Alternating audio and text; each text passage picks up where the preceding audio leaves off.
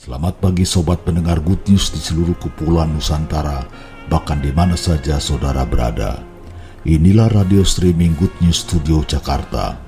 Kami kembali di udara melalui saluran digital streaming dengan channel GSJA Good News radiostream123.com membawakan acara siarannya untuk hari ini sebuah obrolan rohani.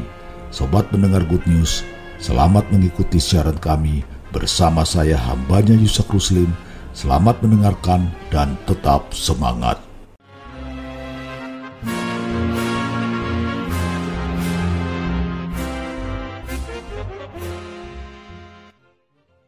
Ya, selamat pagi Sobat Good News di mana pun sudah berada. Senang hari ini kita boleh kembali bertemu dalam acara kesayangan kita Opidus, obrolan pagi di sekitar dunia usaha.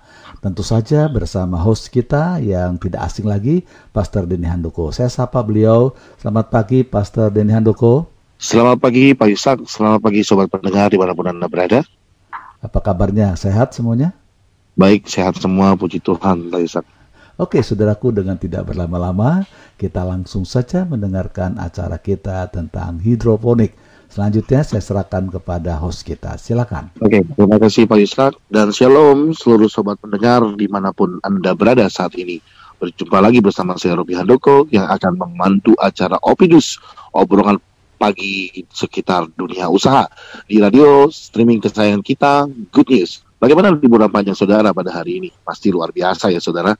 Jangan alihkan channel Anda ke mana pun juga. Tetap stay tune dan ada yang sedang nyetir, ada yang sedang di busway mungkin, atau ibu-ibu yang sedang memasak untuk mempersiapkan anak-anak yang sekolah online. Karena topik kita hari ini sangat menarik tentang hidroponik dan aquaponik dan telah hadir di tengah-tengah kita suatu kehormatan Pak Richard dari Giri Farms yang kita akan kupas tuntas tentang hidroponik dan aquaponik bersama pakarnya nanti dengan Bapak Richard telah hadir di tengah-tengah kita pada hari ini.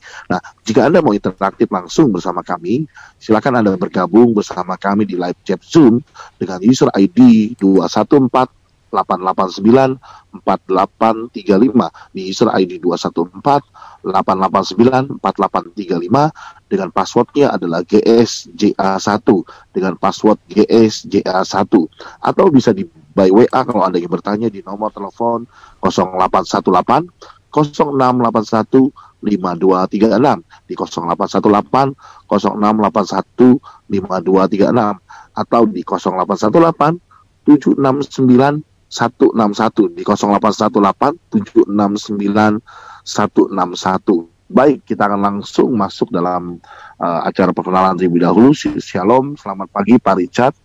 Oh, iya, selamat pagi Pak Robert. Uh, selamat pagi Pak kepada Robi, para pendengar ya. semuanya. Amin. Terima kasih Pak sudah hadir di tengah kita pada pagi hari ini.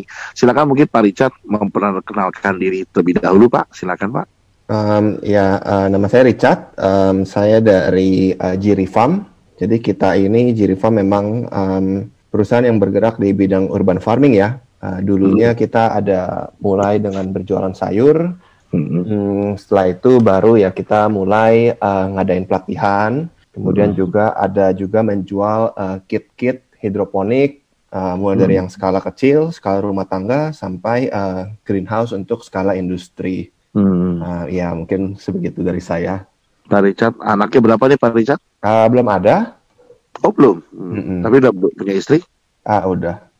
Oh sudah, lagi proses anaknya Pak ya.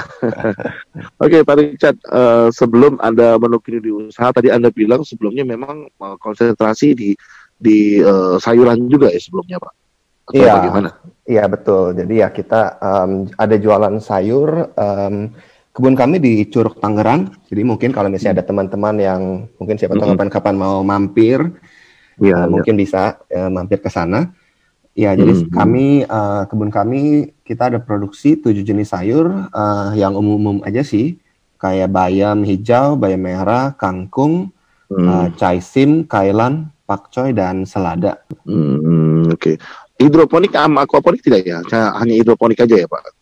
Uh, untuk sekarang kita yang skala industrinya masih yang hidroponik saja. Untuk yang aquaponik kita lagi eksperimen juga. Jadi selama kalau kitnya sih kita bikinnya baru skala rumah tangga ya untuk aquaponik.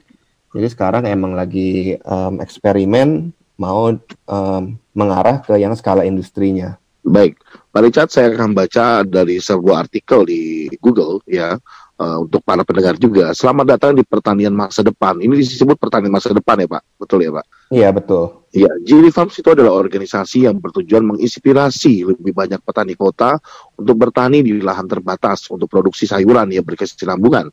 Nah, mereka ini bersemangat dalam menyediakan jasa dan sistem pertanian modern yang terbaik untuk mengetahui ekspektasi dan menciptakan kebun ideal bagi masing-masing pelanggan. Mengapa urban farming yang tadi disebutkan Pak uh, Richard, ketahanan pangan, permintaan pasokan pangan akan berkembang 60% lebih tinggi karena pesatnya pertumbuhan populasi, perubahan iklim, perubahan iklim dan musim mempengaruhi waktu panen dari tanaman. Kebersihan sayuran, sayuran yang ditanam dengan metode hidroponik, aquaponik terhindar dari pestisida dan polutan lain. Nah, pertumbuhan populasi PBB memperkirakan populasi bumi mencapai 9,8 miliar manusia pada tahun 2050. Keterbatasan lahan, lahan pertanian semakin berkurang seiring semakin diperlukan diperlukannya lahan residensial. Nah, pertanyaan saya mungkin kepada Pak Richard, Pak, apa sih hidroponik itu Pak? Mungkin kita baru awam baru mendengar pada hari ini. Iya, jadi um, hidroponik itu sebenarnya intinya kita menanam um, tidak menggunakan tanah ya. Jadi hmm. sebenarnya hmm. um, mungkin kuncinya adalah uh, pupuk atau nutrisi yang dibutuhkan tanaman itu kita larutkan ke dalam air. Gitu. Hmm. Jadi um, bisa dibilang ya medianya kita ini sebenarnya air sebenarnya. Gitu. Air ya pak? Iya. Lalu perbedaan dengan aquaponik, Pak? Nah, kalau hidroponik ini kan kita kan uh, masih melarutkan nutrisinya ke dalam air ya. Nah, mm -hmm. jadi biasa nih kalau seperti ini biasa orang kan ada yang uh, mungkin enggan ya, soalnya masih menggunakan pupuk kimia. Gitu. Mm. Nah, jadi biasa tuh kalau orang mungkin ada yang maunya kan full organik ya. Nah, untuk full organik itu biasa kita pakai yang uh, namanya aquaponik. Jadi kalau hmm. aquaponik itu um, kita memelihara ikan juga. Jadi kita memelihara hmm. ikan dan juga ada tanamannya dalam satu sistem. Jadi nantinya itu um, kotoran yang kotoran ikan ini nantinya akan diuraikan uh, oleh bakteri pengurai, kemudian baru ini yang uh, diserap oleh tanamannya. Jadi ya kalau misalnya kita tahu kan ada pupuk kandang ya kayak pupuknya hmm. dari kotoran sapi atau kotoran kambing. Nah ini ya di aquaponik ini ya kita pakainya kotorannya dari ikan. Hmm. Gitu.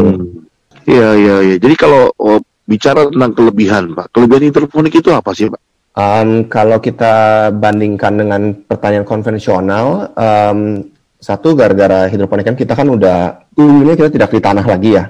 Jadi yeah. biasa ini um, hamanya itu lebih sedikit Hmm. Kemudian juga um, kita nggak perlu mikirin ya tanah kita ini subur atau tidak. Begitu um, hmm. hasilnya ini lebih konsisten. Soalnya um, nutrisi yang didapatkan ini kan jauh lebih merata ya. Kalau kita tanam di tanah kan mungkin ada aja tanah sebelah sini yang lebih subur, tanah sebelah sana hmm. mungkin kurang subur. Um, harga jualnya bisa lebih tinggi. Jadi kalau misalnya hmm. hidroponiknya memang kita beda ya pasarnya dengan sayur-sayuran yang ada di pasar. Kalau hidroponik hmm. ini biasa kan kalau kita jual kayak di toko buah itu mungkin kan belasan ribu ya. Hmm. Kalau dilihat. Uh, um, terus juga ya kita um, lebih uh, nggak uh, ada resiko seperti kayak dengan iklim ya. Jadi hmm. biasa kita memang sudah lebih terkontrol. Um, umumnya kalau di skala industri memang menggunakan greenhouse. Jadi biasa hmm. itu kayak dari segi suhu, um, hama dan yang lain ini semua bisa lebih uh, um, terjamin. Iya iya iya. Oke, okay, jadi memang sebelum menempuh dunia usaha hidroponik ini dulu keadaan usaha Anda bagaimana, Pak? Um, jadi sebenarnya uh, ini sebenarnya mulai uh, ayah saya ya.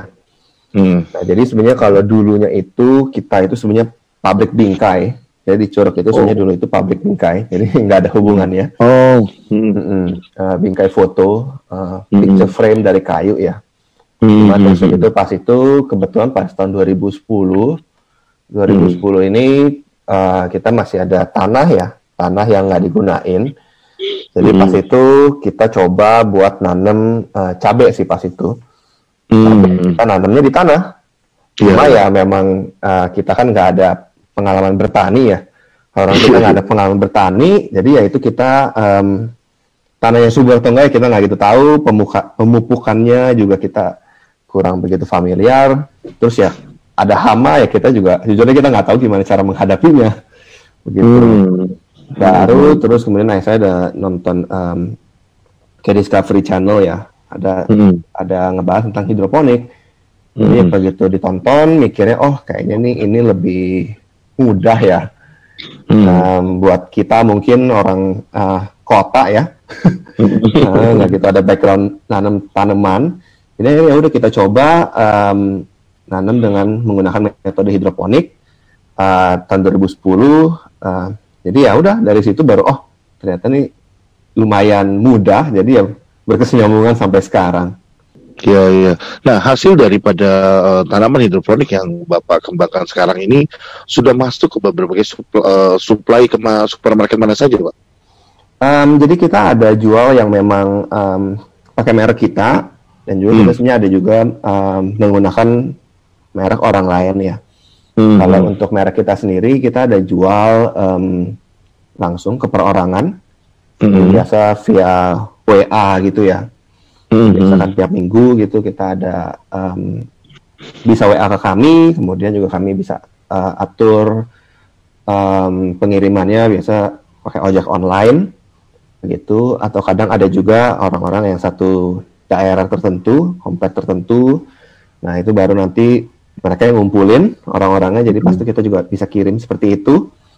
Uh, untuk toko buah sendiri, kita ada masuk ke um, All Fresh, Jakarta hmm. Fruit, um, hmm. kemudian um, uh, Cipta, uh, Duta hmm. Buah juga ada, begitu. Cuma hmm. ya mungkin memang nggak semua uh, daerah kita ada ya. Jadi hmm, biasa kita hmm. pilih-pilih daerahnya. Kalau misalnya kayak Jakarta Timur, biasa kita nggak semuanya kita ambil, soalnya rada jauh dari tempat kita. Hmm. hmm. Itu um, um, ya seperti itu. Kemudian juga ada juga yang kita jual menggunakan uh, merek orang lain. Jadi hmm. seperti uh, Amazing Farm, mungkin pernah dengar, uh, itu yeah. yang ngambil dari kita. Jadi kita hmm. rutin, um, mereka datang, mereka ambil, Kemudian ada uh, Eat Me brand itu juga uh, hmm. klien kita yang baru itu juga ada hmm. ambil dari kita. Oke okay, oke okay, luar biasa Pak. Kalau dalam hal bicara tentang capital atau modal untuk menekuni bidang usaha ini kecil atau besar Pak? Um, harus diakuin sih mungkin relatif besar ya. Kalau hmm. misalnya kita bilang untuk skala industri. Um, hmm. Kalau jumlah pastinya sebenarnya sih saya kurang tahu ya, soalnya itu 10 tahun yang lalu ayah saya mulai begitu oh, cuma ya um, biasa sih kita ya pasti ada tanah. Jadi ya kalau sekali sih mungkin kan tempatnya uh, biasa kita bangun greenhouse ya. Greenhouse juga hmm. um, cukup mahal. Kalau misalnya kita mau bikin yang benar-benar mewah greenhouse sendiri sebenarnya kayak ada ya ya kita kalau mau bangun seadanya juga sebenarnya bisa. Uh, hmm. dari bambu um, sampai ya kita bilang yang sangat keren yang udah fully otomatis sebenarnya juga ada itu jadi sebenarnya ini balik lagi tergantung kita mau bikin yang seberapa canggih kalau kita hmm. sendiri sarannya sih uh, tidak perlu bikin greenhouse yang sangat canggih sekali Iya. Soal untuk ini Pak, ini kan kita masalah pandemik nih ya buat ibu-ibu ya. atau hmm. para bapak-bapak yang di rumah nih. Kalau untuk mau mulai nih Pak, mulainya itu dari mana dulu Pak sebaiknya Pak? Um, kalau kita mungkin saranin bisa coba mulai dari yang um, skala kecil. Jadi hmm. sebenarnya kita kalau untuk yang cukup mau tahu hidroponik itu apa, kita ada juga yang um, biasa sih paketnya namanya paket quick ya.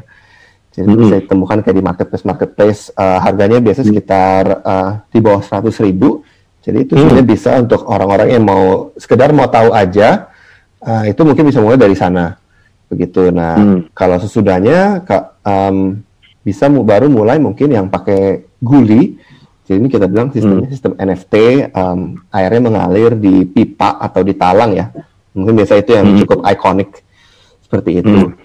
Nah itu ya kita rentang harganya um, ada yang sekitar satu jutaan sampai uh, 20 juta tergantung panjangnya dari uh, sistemnya sendiri, kemudian apa dilengkapi dengan atapnya, apa dilengkapi dengan insect seperti itu. Oke, okay, jadi ada uh, apa budget-budgetnya ya Pak ya, maksudnya kalau ada usaha kecil ini juga bisa ya Pak ya. Yang ya, penting adalah juga bisa. Uh, jadi dari uh, G ini menyiapkan ya Pak ya, menyiapkan untuk trainer dan sebagainya, begitu Pak?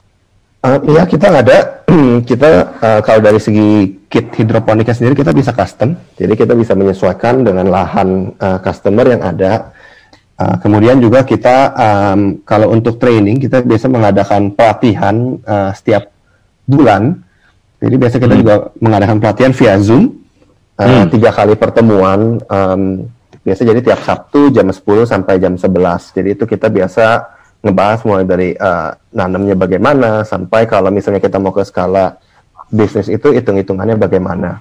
Kemudian pas yang Sabtu keempat itu biasa kita ada kunjungan ke kebun, jadi bisa hmm. benar-benar bisa melihat aktivitas kami kalau di kebun itu seperti apa, seperti itu.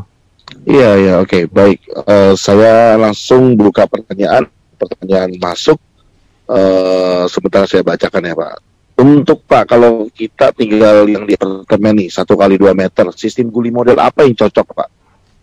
Hmm, biasa kita kalau di apartemen juga kita ada, um, karena lahannya terbatas, biasa paling kita pakainya yang kecil-kecil, jadi biasa kita uh, banyakkan sih menggunakan sistemnya yang horizontal, seperti itu. Nah itu biasa um, ada juga yang kita cukup membutuhkan sekitar satu kali satu meter juga ada sistemnya. Hmm biasa sekitar eh, uh, 50 lubang harusnya dapat sih.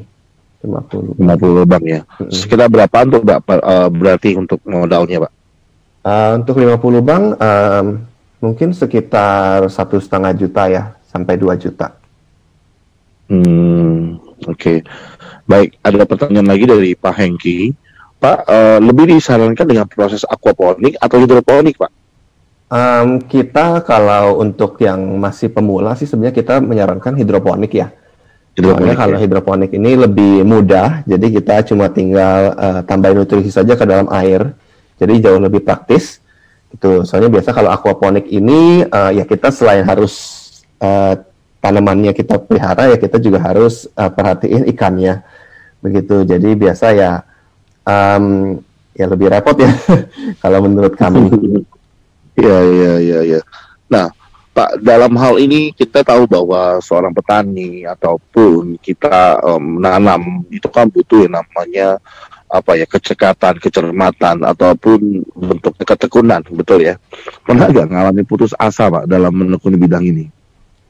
Hmm, mungkin pas lagi awal-awal ya yang kalau dulu uh, saya ngedengerin uh, ceritanya, jadi hmm. memang sebenarnya um, sayuran hidroponik ini awalnya itu pas tahun-tahun sekitar mungkin 2010 awal, hmm. uh, 2010-an awal ini memang um, orang-orang masih belum begitu banyak yang nanam hidroponik, belum hmm. begitu banyak nanam hidroponik, belum begitu banyak juga yang um, mungkin uh, sadar uh, bedanya kalau kita ini hidroponik ini ya lebih sehat gitu ya. Jadi dulu juga sebenarnya kita cukup kesulitan pertama-tama gimana nih uh, ngejualnya gitu Um, soalnya pasti kan orang kan selalu membandingkan kita ini dengan sayuran yang di pasar, yang yeah. ya kita tahu ya jauh lebih murah begitu sih. jadi um, begitu. Jadi dulu itu memang awal-awalnya itu um, cukup sulit ya, begitu. Cuma ya kita tahu memang um, ke depannya tren pertanian kalau misalnya di negara-negara lain ya arahnya ke hidroponik begitu. Kemudian juga kita hmm. tahu juga tren uh, masyarakat sendiri ke um, ke sininya itu semakin sadar akan kesehatan. Mm-hmm. Itu jadi ya um, lama kelamaan ya ke sini sebenarnya makin bagus hasilnya. Jadi ya orang semakin tahu sih kalau ternyata oh hidroponik ini memang beda dengan sayuran yang ada di pasar. Jadi ya memang harganya ini uh, lebih tinggi ya. Mm-hmm.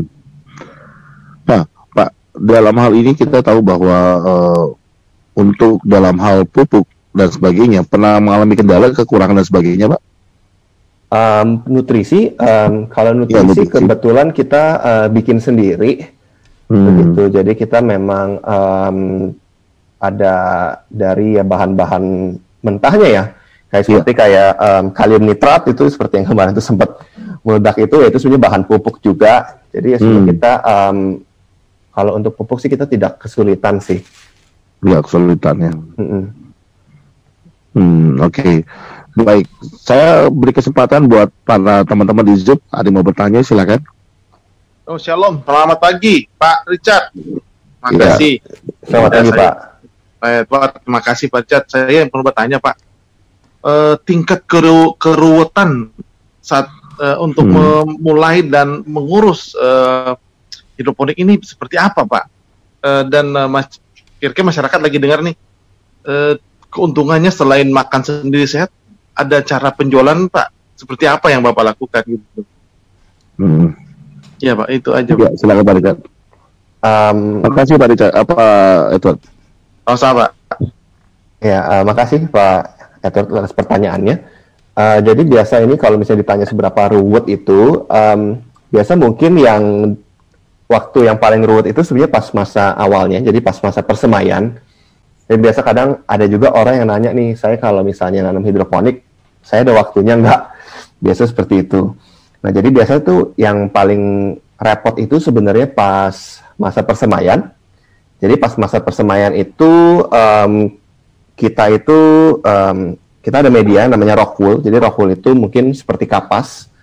Nah di kapas ini yang kita selip-selipin em, bibitnya seperti itu. Nah biasa itu baru kita taruh di tray semai. Jadi sebenarnya repotnya pas awal itu saja sih. Jadi pas kita udah taruh di tray semai, ya itu sebenarnya kita udah tidak kita apa-apain ya. Kita cuma pindahin ke tempat yang terkena matahari. Em, kemudian ya di situ selama dua minggu baru kita pindahkan ke sistem hidroponik yang kita punya.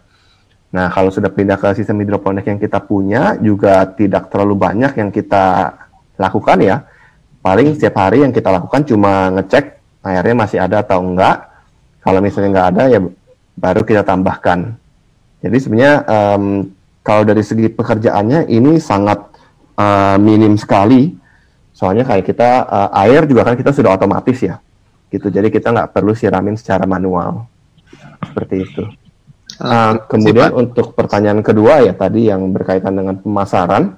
Ya. Um, kalau kita sih menganjurkan sebenarnya uh, mulai dengan skala yang kecil ya. Jadi skala yang kecil uh, supaya kita tadi kita bisa makan sendiri. Um, kemudian kalau misalnya ada sisa ya kita baru uh, kita bisa coba jual. Nah uh, untuk coba jualnya sendiri sebenarnya kita juga uh, sama dulu kita sebenarnya mulanya tuh dari komunitas-komunitas yang kita ada. Jadi kita mungkin ada misalnya kayak uh, seperti di gereja gitu sebenarnya juga kita beberapa kali kita ada uh, jualan di gereja gitu. Jadi kita kalau udah diundang pameran biasa kita ada juga bawa sayur kita. Uh, Hmm. Ya di situ biasa ada juga um, jemaat-jemaat yang jualan sayur gitu. Jadi Hmm. uh, itu mungkin salah satu uh, cara ya uh, supaya kita bisa uh, mulai uh, untuk berjualan seperti kita di komunitas seperti gereja begitu. Nah keuntungannya juga kalau kayak seperti gereja ini kan mungkin kan kita menjual cuma seminggu sekali ya. Begitu. Hmm, Jadi betul. kita uh, jauh lebih simple dari uh, manajemen produksinya begitu. Hmm, hmm. Oke, eh, Pak Richard, masa panennya itu berapa lama Pak? Sebulan sekali kah? 45 hari kah? Atau berapa lama kira-kira Pak? Um, biasanya kita uh, kita kan bagi dua ya uh, di persemaian dan di penanaman. Umumnya kalau di persemaian itu uh, 14 hari, jadi dua Hmm. minggu. Nah kalau di penanamannya ini, kalau kayak bayam sama kangkung itu cepat, jadi mungkin uh, dua minggu. Um, kemud- kemudian kalau seperti pakcoy, selada itu lebih lama, jadi mungkin empat minggu. Jadi total dari Hmm. biji itu sampai panen dari biji itu kalau bayam kangkung ya sebulan sebulan. Kalau yang lain itu mungkin sekitar satu setengah bulan.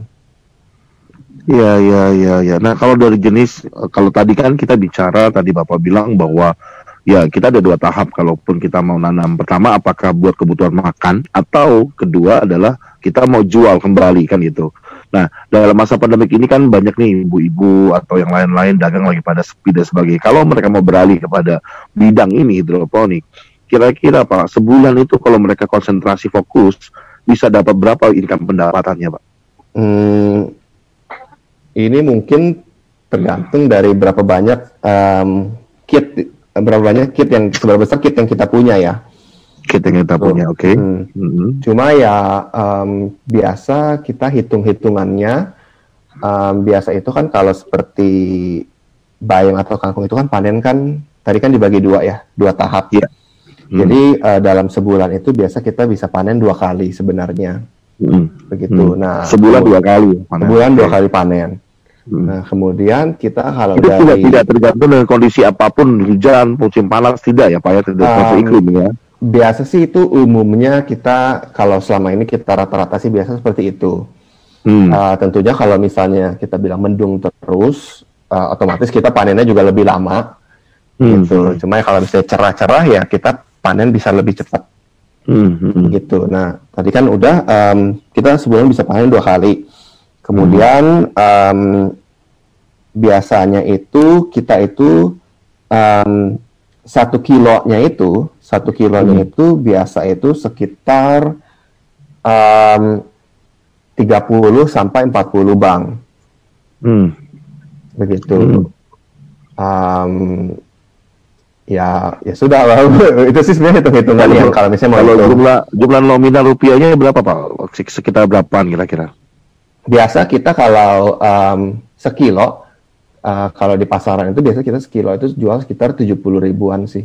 Hmm. Oke. Cukup menjanjikan ya pak. Memang mungkin kalau untuk mau besar itu diawali mungkin modalnya ya eh, cukup besar, tapi hasil income-nya sebulannya lumayan ya pak. ya? Em, ya kalau kami rasa sih sebenarnya ini ya eh, cukup lumayan ya. Sebenarnya balik lagi sebenarnya banyak juga orang yang em, mungkin banyak kan yang menganggapnya kalau kayak pertanian hidroponik ini mungkin returnnya cukup cepat ya. Jadi kalau Hmm. dari pengalaman kami sih ya eh, kita nggak mau menjanjikan over promise. Jadi biasanya Hmm. kita kalau ini biasa kita bilang kalau untuk hidroponik ini mungkin ya keseluruhan ini mungkin ya balik modal itu sekitar tiga tahun. Seperti itu. Itu berdasarkan em, pengalaman kami eh, dan juga eh, proyeksi hitungan-hitungan yang sudah pernah kami lakukan. Pak Richard, ada pertanyaan nih, saya akan bacakan banyak pertanyaan nih. Pak Richard, tanaman hidroponik lebih baik kena matahari atau tidak kena matahari? Terima kasih. Oh iya, alamatnya Pak, kapan-kapan Ibu Maria Rusli maka mau lihat ke sana. Alamatnya nanti bisa di ya WA ke kita ya, nanti saya akan langsung kasih Bu Maria. Silakan Bu Maria Rusli pertanyaannya dari kepada Pak Richard. Silakan Pak. Em, ya kalau yang tadi alamat eh, bisa search di Google Map uh, Farm. Eh, nanti juga akan saya eh, berikan mapnya ke host seperti itu. Hmm. Kemudian eh, untuk matahari kita perlu matahari itu minimal eh, 6 jam sehari. Jadi biasa kan ada yang nanya nih eh, tempat saya kenanya mataharinya pagi doang atau misalnya sore doang. Eh, jadi bisa asal ya dapat 6 jam minimal. Kalau misalnya kurang dari 6 jam em, sebenarnya tanamannya juga tumbuh, cuma em, relatif lama ya, seperti itu. Hmm. Jelas ya cukup jelas Ibu Maria ya. Eh, saya akan bacakan lagi dari para pendengar. Bisa diberitahukan Pak Richard secara sederhana untuk kami yang mau mencoba tanaman hidroponik ini di rumah. Yang pertama, berapa luas lahan yang diperlukan? Kedua, alat-alat yang harus disiapkan apa aja? Ketiga, jenis tanaman apa yang disarankan untuk dicoba? Silakan Pak Richard. Em, kalau untuk kalau misalnya mau nyoba, sebenarnya itu yang tadi paket tweak saya bilang itu sebenarnya itu cuma kayak wadah air Hmm. saja sebenarnya. Jadi sebenarnya kurang dari satu kali satu meter seperti Hmm. itu. Eh, cuma ya kalau misalnya mau kit yang besaran, satu kali satu meter sebenarnya sudah cukup. Satu kali Hmm. satu meter sebenarnya sudah cukup. Eh, untuk bahan yang diperlukan, em, kalau misalnya kayak paket-paket gitu biasanya sih sudah lengkap semua. Cuma, nah isinya Lengkap. itu biasanya itu eh, kita perlu bibit, Hmm. kita perlu bibit sayuran. em, Hmm.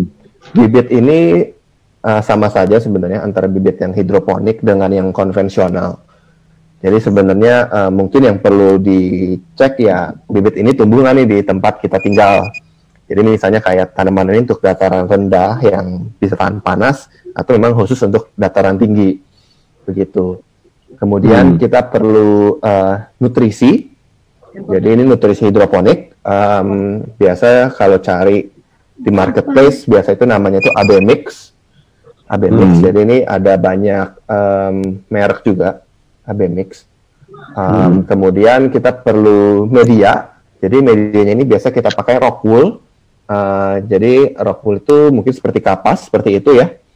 Hmm. Itu. Eh, jadi kalau misalnya diingat mungkin kita dulu pas lagi sekolah itu kan pernah nanam em, jagung atau kacang hijau itu di gelas aqua pakai kapas Hmm. bawahnya ya kurang lebih seperti itu itu eh, media em, Uh, kemudian ya sebenarnya sih yang penting ya tiga itu dan sistem hidroponik yang kita punya. Sistem hidroponik yang kita punya ini ya bisa beli um, atau bikin dari barang-barang uh, sekitar kita.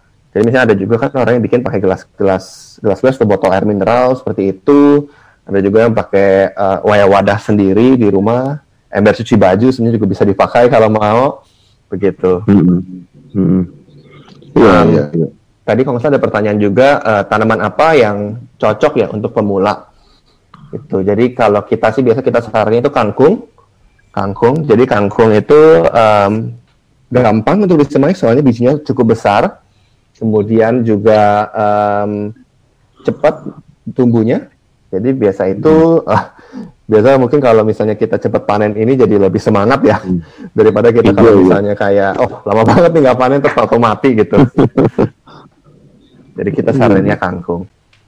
Terima kasih. Oke, okay, banyak sekali nih pertanyaannya luar biasa nih. Oke, okay, nanti suatu saat Pak Richard boleh ya kita zoom bersama-sama untuk praktek bersama-sama ya Pak Richard. Boleh, boleh, boleh. Nah, ini ada pertanyaan lagi. Salam selamat pagi Pak Robi dan Pak Richard, Pak Yusuf. Saya mau bertanya, hambatan-hambatan apa saja? Oh, sorry, saya mau bertanya, hambatan-hambatan apa saja dalam menanam hidroponik ini? Misal seperti tanaman konvensional, ada hama dan lain-lain. Dan bagaimana cara mengatasinya? Dan tanaman apa saja hidroponik untuk pemula? Silakan Pak dari Pak Hans Sunter. Ah, tadi yang pertanyaan keduanya apa ya?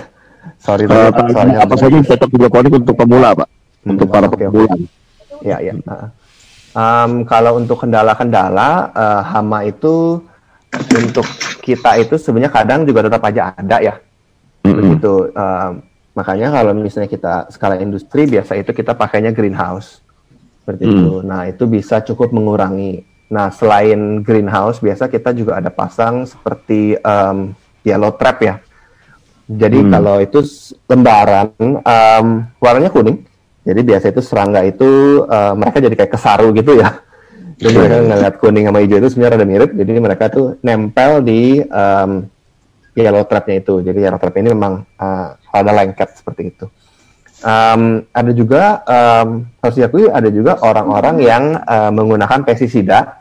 Hmm. Uh, jadi sebenarnya ini ya kebijakan dari masing-masing farm ya, begitu. Um, cuma perlu diingat um, kalau misalnya kita menggunakan pestisida ini ya jangan pas um, kita mau panen ini baru kita semprot, hmm. gitu. Soalnya ya setelah panen ini kan jadi masih ada residu-residu dari pestisidanya seperti itu um, hmm. kemudian ya bisa juga dengan cara manual jadi kalau misalnya uh, lebih besar uh, kayak misalnya kayak belalang atau apa ya bisa juga sih kita uh, ambil seperti itu begitu kemudian juga kalau dari segi kendala uh, cuaca juga sangat mempengaruhi jadi yeah. biasa kita memang kalau sudah uh, musim hujan ini ya uh, matahari kurang jadi kita juga pas persemaian mungkin saja ada masalah. Jadi biasa kita ada yang namanya etiolasi. Jadi biasa itu kita um, tanamannya ini um, jadinya panjang-panjang ya istilahnya kalau kita ini namanya kutilang ya. Uh, kurus tinggi langsing. Begitu. Um, kemudian juga panen itu ya berhubung kita kurang matahari juga umumnya biasa juga jadi lebih lambat. Um, untuk mengatasinya ya kalau misalnya mau uh, ada budget lebih bisa investasi di uh, lampu grow light cuma biasa itu tidak begitu kita sarankan karena ya harganya uh, relatif tinggi seperti itu. Baik, ada pertanyaan lagi nih uh, dari Bu Devi nih. Apartemen saya kurang sinar matahari Pak, jadi baiknya sistem guli dinamis dan statis dan modelnya bertingkat atau rata. Itu satu pertanyaannya. Yang kedua, akibat kurang sinar matahari, selada hijau saya bolting dan selada merah saya kurang merahnya. Ada solusi kah untuk space yang kurang sinar matahari, padahal saya sudah menggunakan aerator. Nah, supaya hasil seladanya curci dan tidak pahit, fokus pemeliharaan seperti apa? Ada tiga nih. Wah, ini karena Bu Devi udah coba nih Pak, dia cukup lumayan panen nih, seperti Bapak Pak Richard. Silakan Pak Richard dijawab. Uh, iya Bu, um, Bu Devi ya. Iya, ya. jadi kalau untuk guli dinamis dan statis itu um, biasa umumnya sih kita menggunakan yang sistem dinamis. Jadi airnya itu muter ya, uh, sirkulasi terus menerus. Begitu. Um, kenapa kita mau sirkulasi sebenarnya untuk menciptakan uh, oksigen di airnya ya. Pas sirkulasi air jatuh itu ada oksigen seperti itu. Uh, kemudian juga ini untuk mencegah adanya ya nyamuk sebenarnya sih. Begitu. Hmm. Nah, jadi kalau misalnya untuk sinar matahari itu uh, kita sih sebenarnya lebih menyarankan yang rata ya daripada hmm. yang bertingkat begitu ya sebenarnya hmm. ini tergantung dari uh, sisi yang mananya sih dari apartemen hmm. cuma umumnya kita uh, saranin yang rata aja supaya tanamannya itu dapat mataharinya lebih merata. Begitu. Nah ini akibat kurang sinar matahari selada hijau saya bolting uh, selada merah saya kurang merah. Jadi sebenarnya um, bolting itu um, disebabkan dua faktor. Jadi biasa itu satu karena memang uh, cuacanya panas. Jadi cuacanya hmm. itu panas. Um, atau juga bisa juga karena um, mataharinya kurang ya jadi hmm. seladanya ini ya di tanaman ini tumbuhnya tinggi ya jadi sebenarnya dia kayak nyari sinar matahari begitu um, hmm. biasanya itu kalau dari sinar matahari itu sebenarnya bisa pasang grow light jadi uh, kemarin itu sebenarnya kita juga ini baru nyoba pakai grow light jadi um, diharapkan itu bisa membantu dari segi kurangnya sinar matahari. Nah, kemudian hmm. kalau dari segi panas, biasa kita um, biasa yang pengaruh itu panas selain di udaranya juga panas di um, airnya ya. Iya. Yeah. Jadi biasa kita kalau di airnya itu kita uh, bisa juga kita pakai isi botol air terus kemudian kita bekuin. Jadi biasa kita pas lagi siang itu biasa kita uh, cemplungin um, botol yang udah berisi es ini ke dalam uh, kontainer airnya, begitu. Mm-hmm. Nah, jadi biasa ini diharapkan juga dia itu nggak pahit ya, soalnya pahit itu biasa gara-gara dia itu uh, kepanasan, uh, bolting itu biasa hasilnya jadi pahit. Begitu. Hmm. Iya, iya, iya. Saya lihat memang caranya mudah, simpel, murah ya untuk alat-alat yang dibutuhkan ya. Kayak botol-botol aqua seperti itu ya Pak Richard ya. Ya, jadi ya sebenarnya ya ini sudah uh, trik-trik uh, di lapangan seperti itu ya. Luar biasa ini memang. Nah, um, pH dan TDS berapa Pak untuk air baku hidroponik yang sehat katanya? Um, untuk pH uh, biasa kita mau rentangnya itu di antara uh, lima setengah sampai enam setengah begitu. Hmm. Jadi biasa itu ini mempengaruhi uh, daya serap tanaman.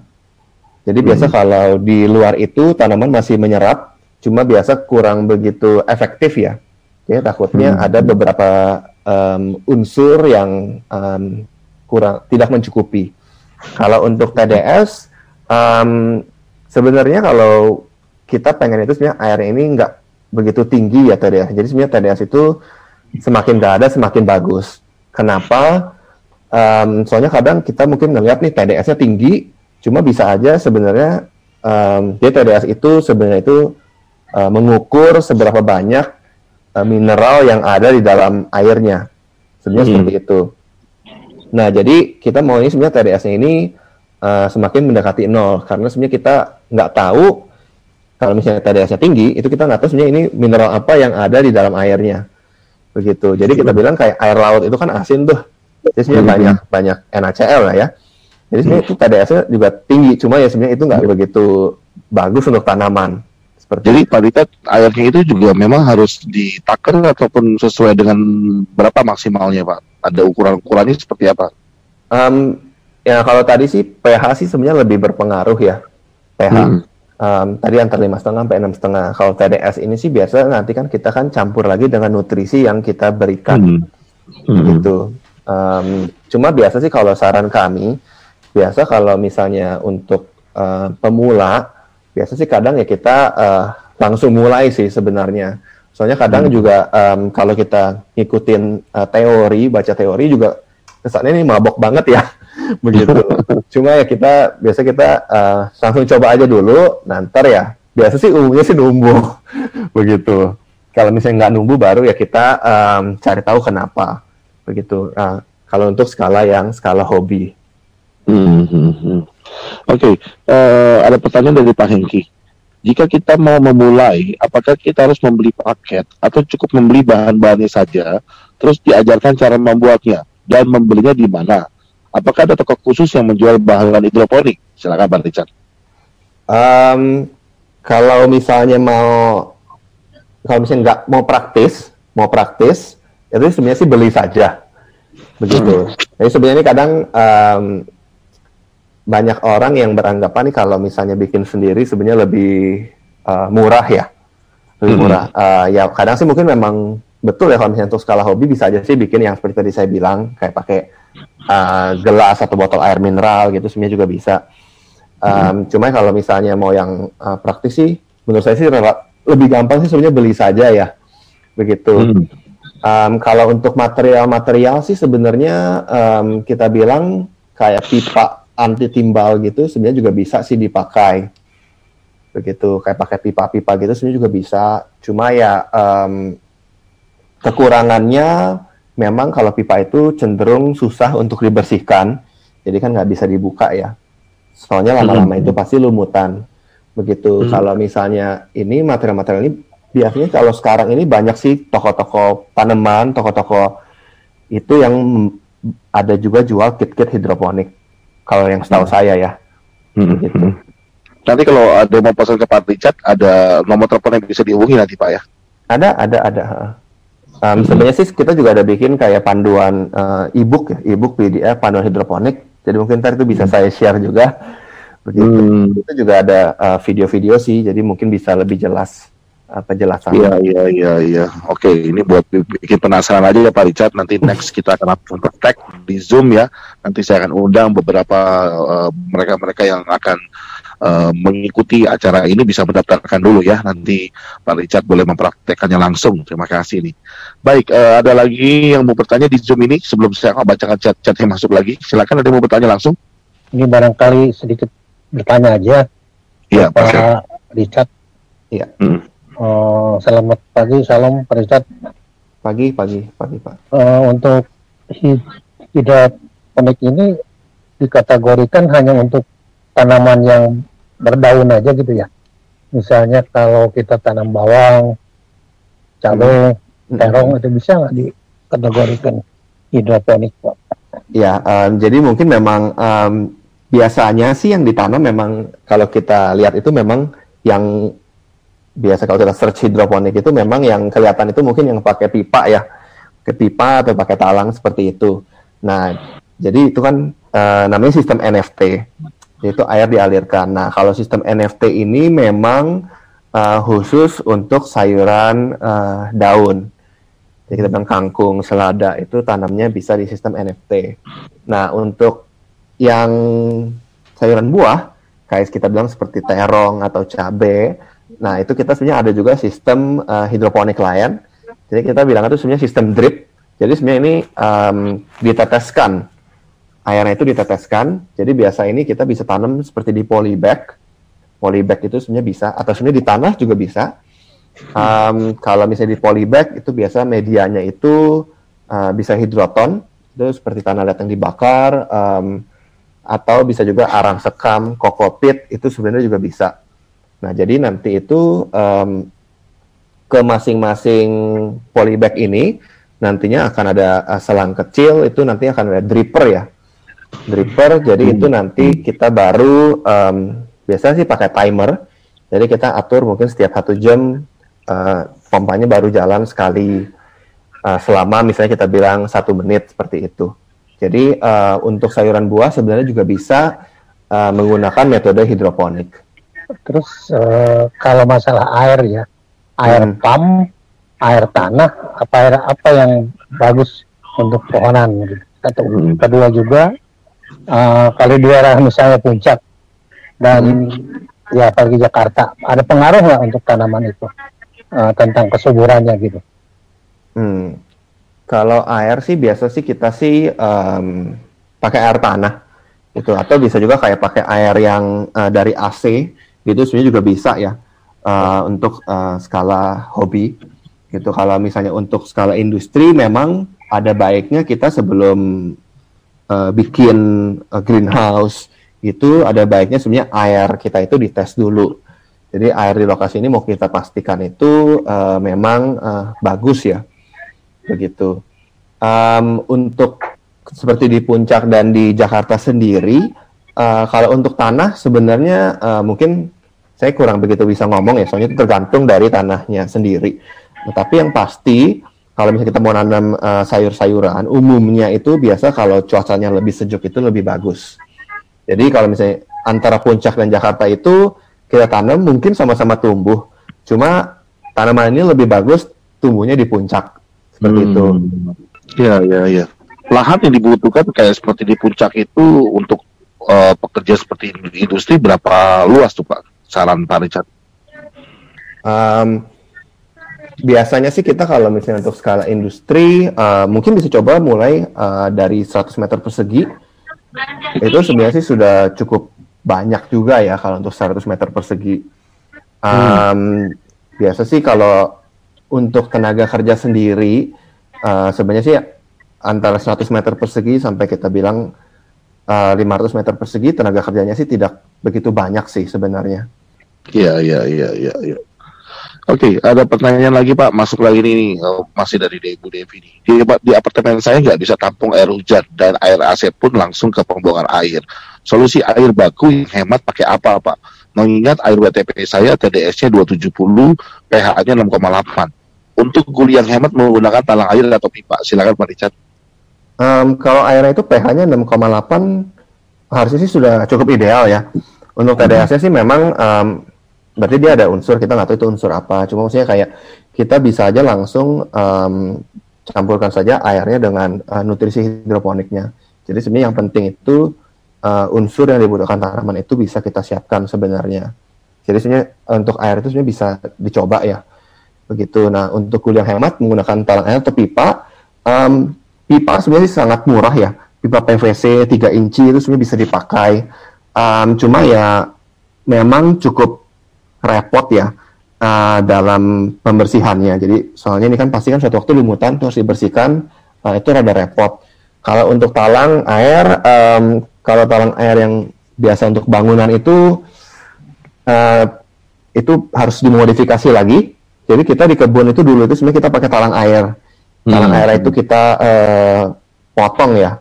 Kita potong, uh, potong dua. Jadi ntar yang bawahnya ketemu yang atasnya seperti itu begitu jadi dia bisa dibuka um, ada juga sebenarnya kita juga ada jual guli guli impor itu kita ada jual um, ada juga sebenarnya guli lokal itu sebenarnya juga ada yang jual jadi biasanya kalau yang guli lokal itu umumnya lebih murah dibanding yang impor yang kita jual begitu oke baik saya buka kesempatan lagi buat teman-teman di Zoom yang mau bertanya silakan sebelum saya bacakan pertanyaan lagi yang masuk ada yang mau bertanya Pak Richard, bedanya bahan guli import dan guli lokal apa, Pak?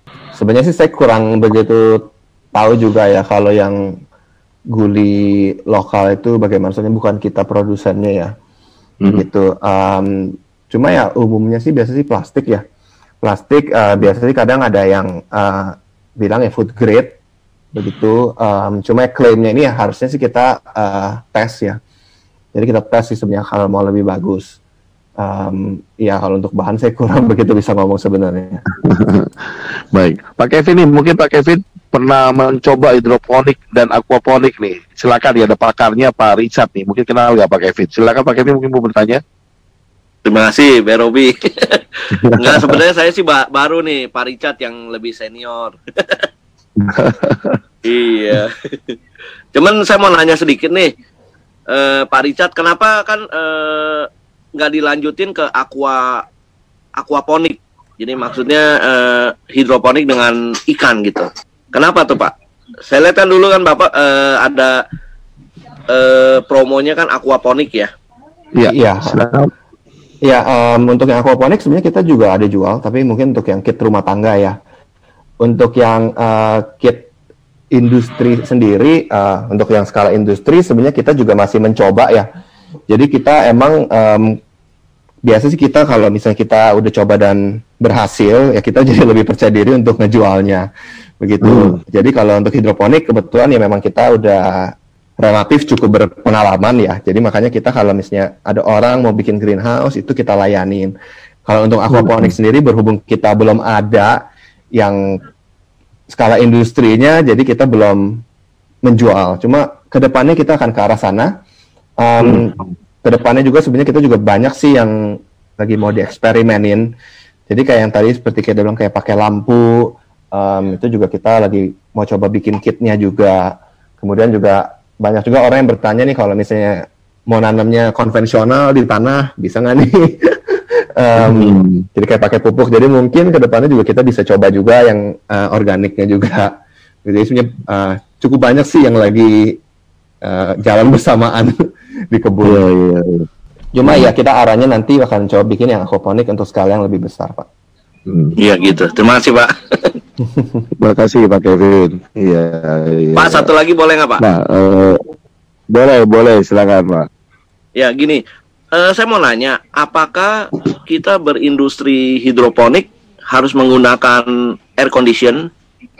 Air condition maksudnya apa nih, Pak? AC, AC. Oh, AC. AC. Iya. Um, ini AC-nya dipasangnya di mana nih Pak? AC-nya dipasangnya di ini di di apa di lokasinya Pak. Jadi kan satu lokasi itu kan seperti kayak rumah, kayak tempat bapak lah, mm -hmm. ya. Nah jadi itu e, mereka memang sistemnya ini saya lihat sih e, versi hidro hidro farm ya. Oke. Okay. E, mereka sih jadi dia pakai chiller Pak. Jadi suhu di dalam tuh selalu stabil. Mm -hmm. Jadi bila mana matahari sekitar jam 1 jam 2 itu nanti ada tirai yang secara otomatis pakai stepper motor itu menutup hmm. langit-langitnya. Hmm. Hmm. Oke. Okay. Um, ini ya sebenarnya ini bisa bilang ini greenhouse-nya uh, otomatis ya, otomatis. Jadi biasanya dia ada pakai sensor-sensor seperti itu. Uh, ya, betul. Untuk yang dimasuk uh, dalamnya itu uh, sebenarnya sih mungkin bukan AC ya itu sebenarnya lebih kayak ke kipas. Jadi ada kipas, um, cara kerjanya itu kipas itu nantinya akan kalau misalnya siang itu nyala. Nah biasa tuh di si satu, salah satu dinding itu nanti biasa ada namanya cooling pad. Jadi itu nanti um, di tembok itu ntar bakal mengalir air, air dingin nanti itu bakal uh, di, di dialirin oleh ya kipasnya itu sebenarnya. Um, kalau pendapat kami sih sebenarnya baik lagi ini um, tergantung ya budget kita seberapa. Uh, cuma umumnya sih uh, kita ngerasa itu investasinya itu um, kayaknya sih uh, kalau menurut kita sih mungkin kemahalan ya. Mengingat ya kita kalau di Indonesia sini harga jual sayur kita nggak sebagus kita bilang seperti di Eropa begitu. Uh, kemudian juga kita kalau kayak di Eropa gitu mungkin kan greenhouse harus yang lebih modern ya soalnya mereka kan empat musim begitu. Jadi kalau kayak di Eropa gitu, greenhouse-nya ya rangkanya lebih tebal, um, kemudian juga mungkin atapnya dari kaca supaya ya kalau misalnya salju gitu nggak jebol ya, gitu. Cuma kalau kita di Indonesia hmm. ini, uh, menurut pendapat kami selama ini sih um, uh, cukup bikin greenhouse yang sederhana saja sebenarnya, begitu. Uh, sebenarnya juga kalau misalnya boleh ngomong ini sebenarnya hidrofarm juga ngambil sayurnya juga ada ngambil sayur dari kita juga sebenarnya. Begitu. Iya, iya, iya Pak Richard jadi gini. Saya kan kebetulan hadir di sana ya saya uh, lihat. Itu benar-benar dia pakai AC Pak jadi ada kompresornya hmm. kalau yang Bapak bilang kan seperti kipas kayak yang seperti di S hardware ya jadi itu hidrofen hmm. hidrofen kan uh, air yang ditiup Iya betul. Bapak kan itu, saya nggak pernah ke sana sih. Lihat, ya saya benar-benar lihat ini AC karena kan saya lihat kompresornya. Hmm. Jadi e, memang gini kalau bapak berkenan, ini memang dia ada kesulitan sedikit pak. Jadi dia tuh e, modalnya 1,8 diinformasikan bisa mencapai hasil 50 juta per bulan. Wow. Hmm. 50 juta sampai 90. Tapi sekarang ini mereka minus, Pak. Karena hmm penggunaan daya listrik sama dan lain-lainnya itu kan e, mencapai 50 juta per bulan. Wow. Okay. Nah, sedangkan penjualan hanya sekitar 20 juta. Oke. Okay. Tiap tiap bulan minus tuh Pak. Nah, mungkin Pak Richard ada jalan keluar nggak Pak? kayaknya kayaknya saya ya nggak gitu enak nih membahas ini jujur aja sebenarnya maaf nih Iya, soalnya gini, saya kan kelilingan ya, ini minggu besok nih kalau saya ini ada saya mau lihat hidroponik di kontainer. Oh iya. Waduh. Keliling ya. terus pakai Jadi punyanya ya. Pak Antoni Putirai. Oh. Heeh, Heeh. di Lebak Bulus. Ini kalau memang saya ada waktu, saya mau mampir deh Rebo ini kita janjian after lunch. Oh, luar biasa. Iya, kalau yang itu sih kayaknya saya ah, belum bisa komentar kali ini ya. Nggak enak nih kayaknya kita ngomong di sini. Pak Kalau Kelvin misalnya ada kapan- saham kayaknya di sana Pak Kelvin ya. Eh, enggak, enggak gini. Ini kan gini, kita mau bantu ini, Pak. Kan teman-teman kita yang belum ada kerjaan kan Oh, kalau ada peluang bisnis ini kan bisa mereka Iya, bergiat iya, ya, iya. Pak ya. Heeh. betul. Iya. Ke tempat Pak Richard ya saya udah mampir juga, Pak. Sudah ya pernah ya Pak. Sudah, sudah, sudah. Cuman saya lihat ih, kenapa ikannya kagak ada? Iya, iya, memang belum sekarang. Itu. Jadi eh, maaf nih Mas, belum bisa ah, saya ngomongin dulu kali ya. Kalau Iya. kapan-kapan Mungkin kita kapan japri boleh ya, Pak ya. Iya, Soalnya saya kesian juga. Enggak ini, kalau untuk daya listrik, kebetulan kan teman kita punya satu genset yang tanpa bahan bakar, Pak. Eh, Hmm. saya udah Ya. koordinasi sekitar Desember ini baru mereka bisa launching. Pakai kayak solar power gitu kali ya. Ya, Eh, pakai magnet, Pak. pakai magnet. Oke. Hmm. Pakai magnet, iya. Soalnya patennya keluarnya di Desember ini. Hmm, hmm, hmm. Iya, Eh, iya. Ini makanya Rabo ini saya mau lihat nih gensetnya. Oke. Iya, iya, iya. Luar itu satu Kelvin solusinya itu saya mau bantu supaya dia bisa eh, tekan kos. Hmm, Nah. hmm.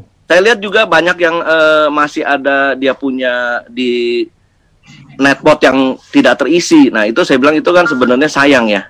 Ya, efisiensi Uh, lapangan uh. jadi kurang. Iya, betul betul.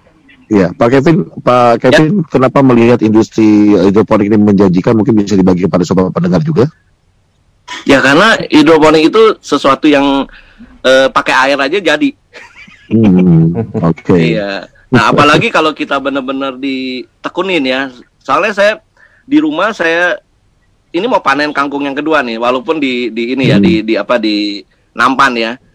Iya, iya, iya. Jadi saya lihat kalau kita serius, kita inilah kita rawat, itu mereka tumbuhnya cukup bagus. Nah, Apalagi Hmm. saya lihat istrinya Pak Ruby punya dari Wilson ya. Waduh, Hmm. itu malah lebih pokcanya lebih gede-gede itu. Iya, iya, iya. iya, itu sebenarnya menarik karena juga buat ini para ibu-ibu. Hmm. Iya, ke depannya ini sebenarnya bagus. Memang kan eh, kita kan sekarang ini harus menghindarkan pestisida. Kalau Hmm. hidroponik ini kan cuman hanya air sama nutrisi. Benar nggak Pak Richard? Hmm. Iya, iya betul. Uh.